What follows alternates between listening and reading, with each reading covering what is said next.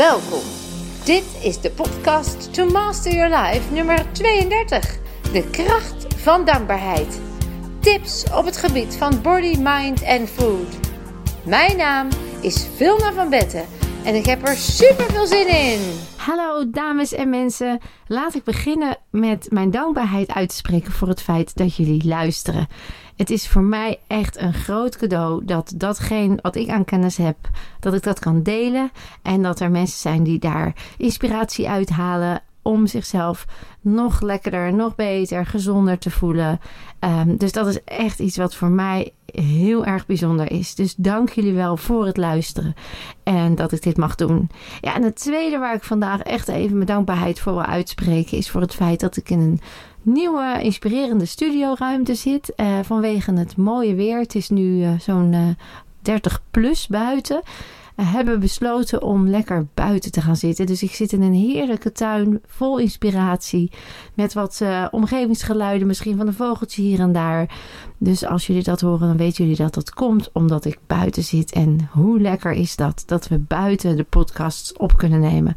Dat is gewoon een hartstikke mooi, heerlijk uh, idee dat dat kan. Dus daar ben ik dankbaar voor. En dankbaarheid, daar gaan we het ook over hebben vandaag. Want eigenlijk wordt dankbaarheid door de meesten wel een beetje onderschat. Terwijl er inmiddels heel veel onderzoeken gedaan zijn naar dankbaarheid en de kracht van dankbaarheid vooral. En de relatie daarmee tot je gezondheid en geluk. En in deze podcast ga ik jullie vertellen wat die kracht van dankbaarheid dan is. En vooral ook hoe jij die kunt in gaan zetten in jouw leven zodat jij ook de vruchten kan gaan plukken van dankbaarheid. Dankbaarheid uh, is gewoon inderdaad dankbaar zijn voor de kleinste dingen die je normaal gesproken als vanzelfsprekend ziet. En dat is iets wat we natuurlijk ja, niet zo vaak doen, omdat alles wat je over op een dag doet en meemaakt, dat we dat vaak als vanzelfsprekend zien.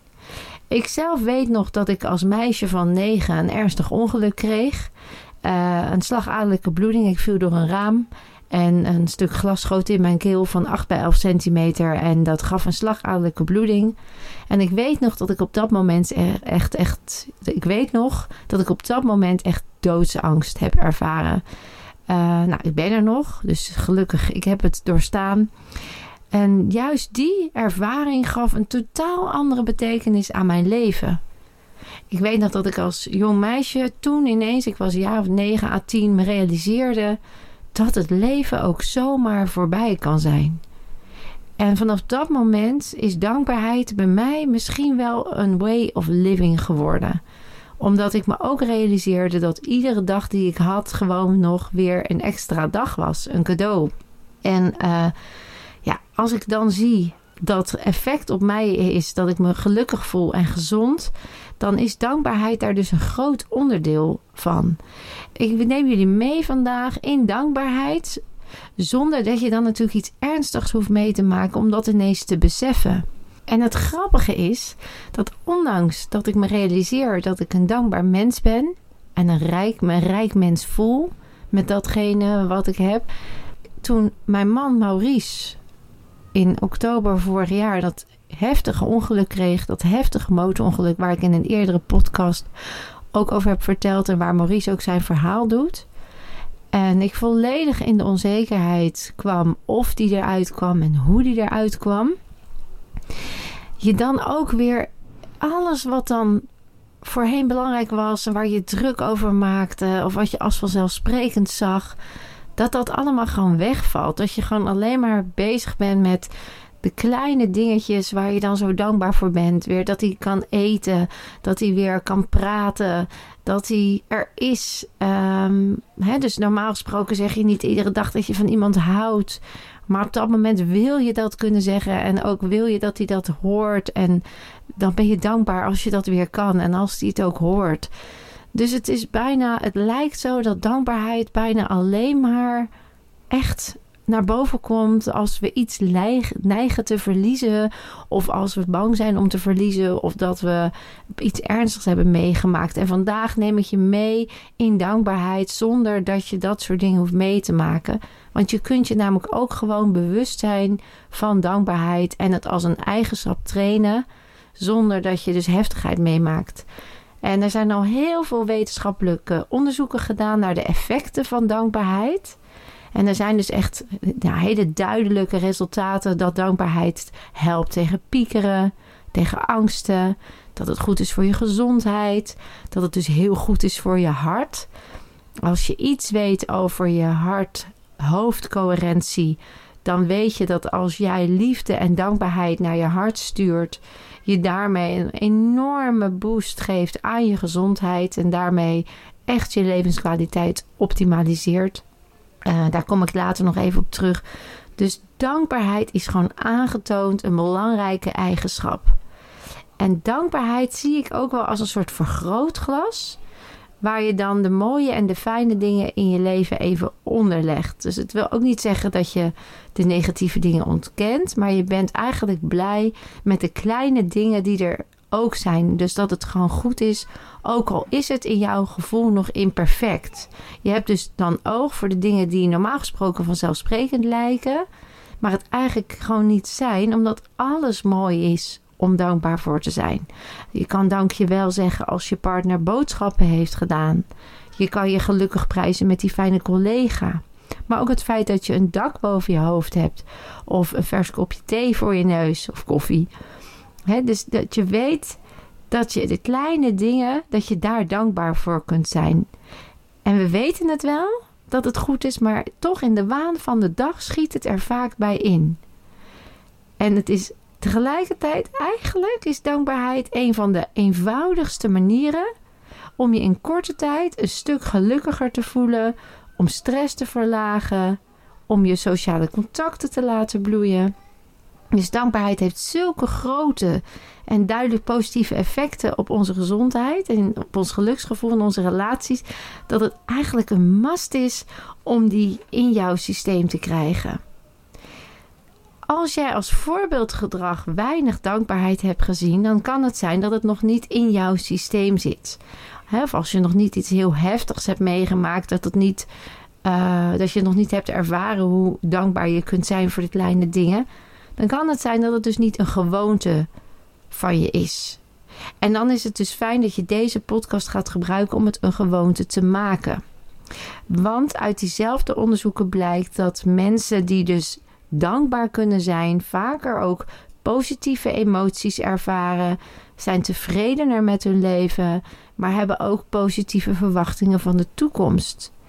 En dat naast het feit dat ze minder gevoelens van angst en depressie hebben, ja, is natuurlijk alleen maar een uh, extra goede reden en motivatie om nu gewoon lekker die dankbaarheid in te duiken en je eigen empathie en vergevingsgezindheid en behulpzaamheid uh, ook dat je niet snel jaloers bent en niet materialistisch. Ja, dat helpt je gewoon enorm om lekker te genieten van het leven. En niet altijd maar te streven naar beter. En uh, af, te, ja, af te keuren wat er niet goed gaat. Eckhart Tolle, de schrijver van het boek De Kracht van het Nu, onder andere, heeft daar een hele mooie uitspraak over. Hij zegt: Het onderkennen van het goede dat je al hebt in je leven is de basis voor alle overvloed. Want als je dat doet, dan ervaar je ook de dingen die je hebt als rijkdom. Dan ervaar je je leven als rijk en gevuld. Dus laten we eens gewoon kijken naar wat de oefeningen zijn die jij kunt doen om jezelf dankbaar te voelen en dankbaarheid als een automatische eigenschap in je systeem te krijgen.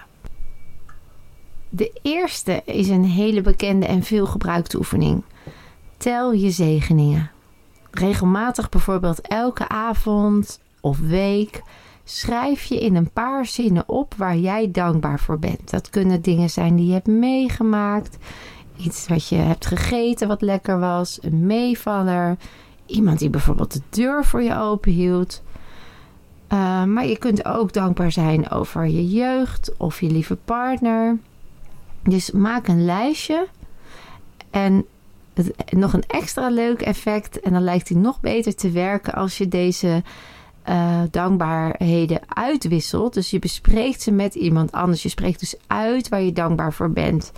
En dan zul je merken dat dat een heel blij gevoel gaat geven. En je de ander ook een blij gevoel geeft. Dus dat is een mooie bijkomstigheid. Die tweede oefening die is wat minder bekend, maar die heeft eigenlijk een nog krachtiger effect.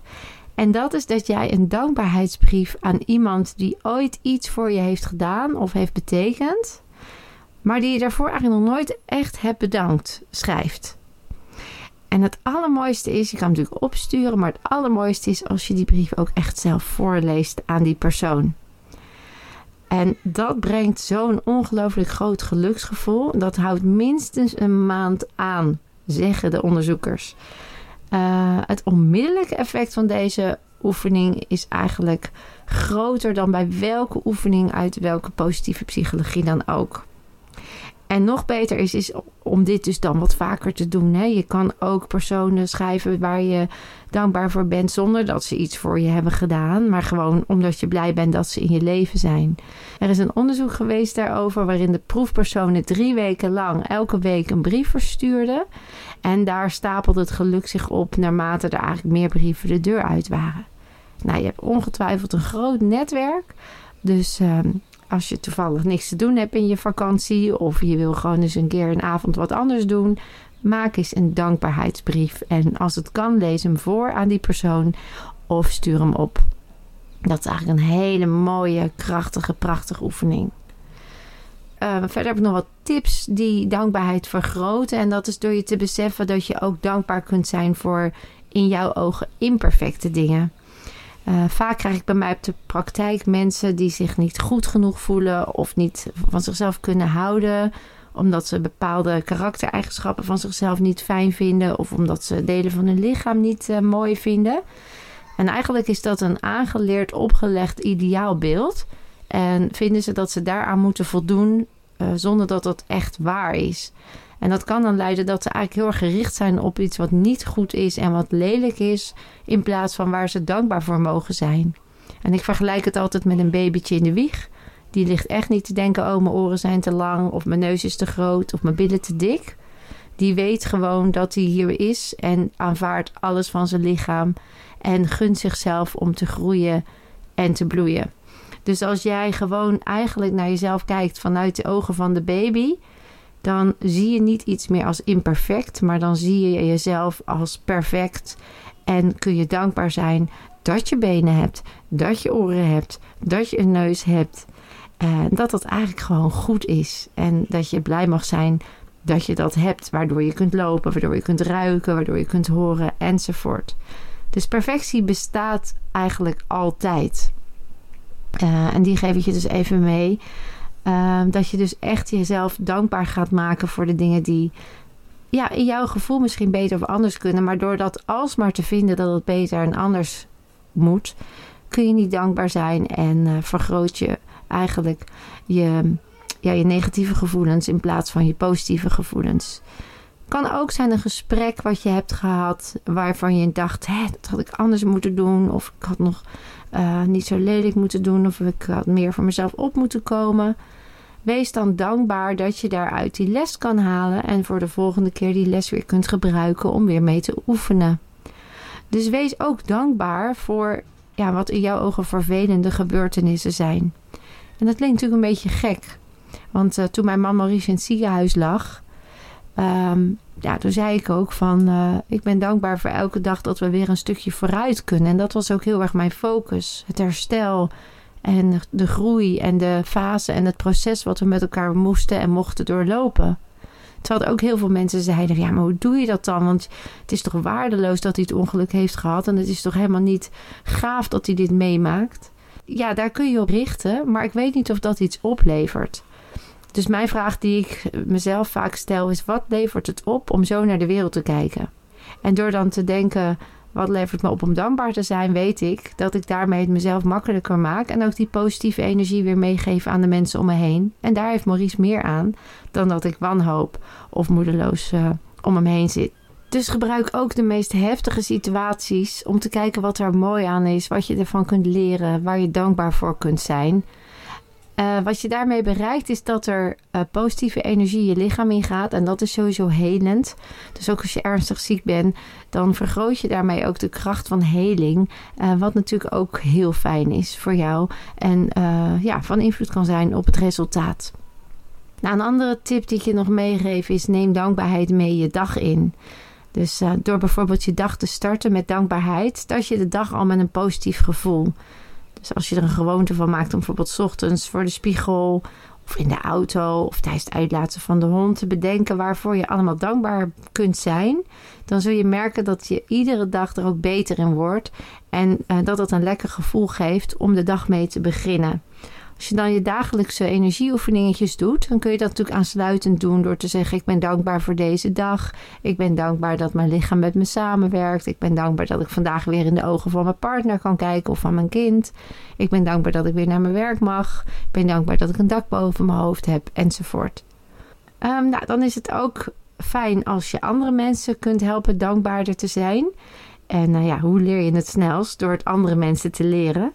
Dus stimuleer ook de mensen om je heen om zich dankbaarder te voelen. Vraag ze bijvoorbeeld uh, wat er op dit moment allemaal goed gaat in hun leven. Of waar ze het meest tevreden over zijn. Waar ze zich dankbaar voor kunnen voelen. Dat levert niet alleen interessante positieve gesprekken op. Maar je helpt echt een omgeving te creëren waarin mensen positiever praten. En het leven meer en meer gaan waarderen. Dus je krijgt ook een soort omgeving waar positiviteit eigenlijk steeds meer de overhand uh, neemt.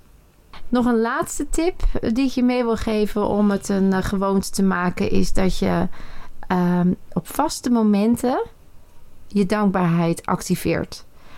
Dus wat ik al zei, in de ochtend een dankbaar moment.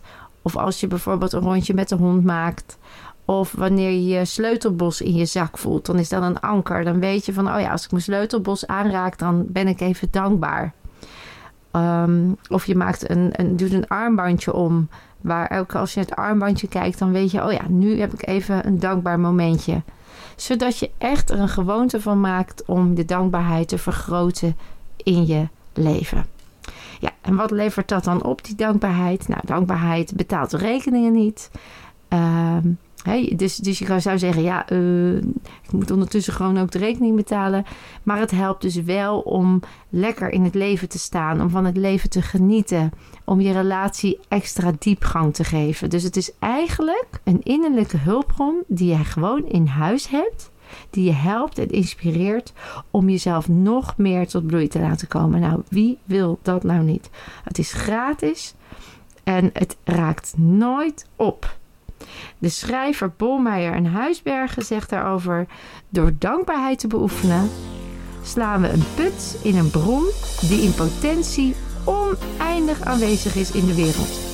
Namelijk liefde, klein geluk, de lucht, de seizoenen, spel, creativiteit, gastvrijheid. En het wonderbaarlijke is dat wat we aanboren met dankbaarheid zich snel vermenigvuldigt.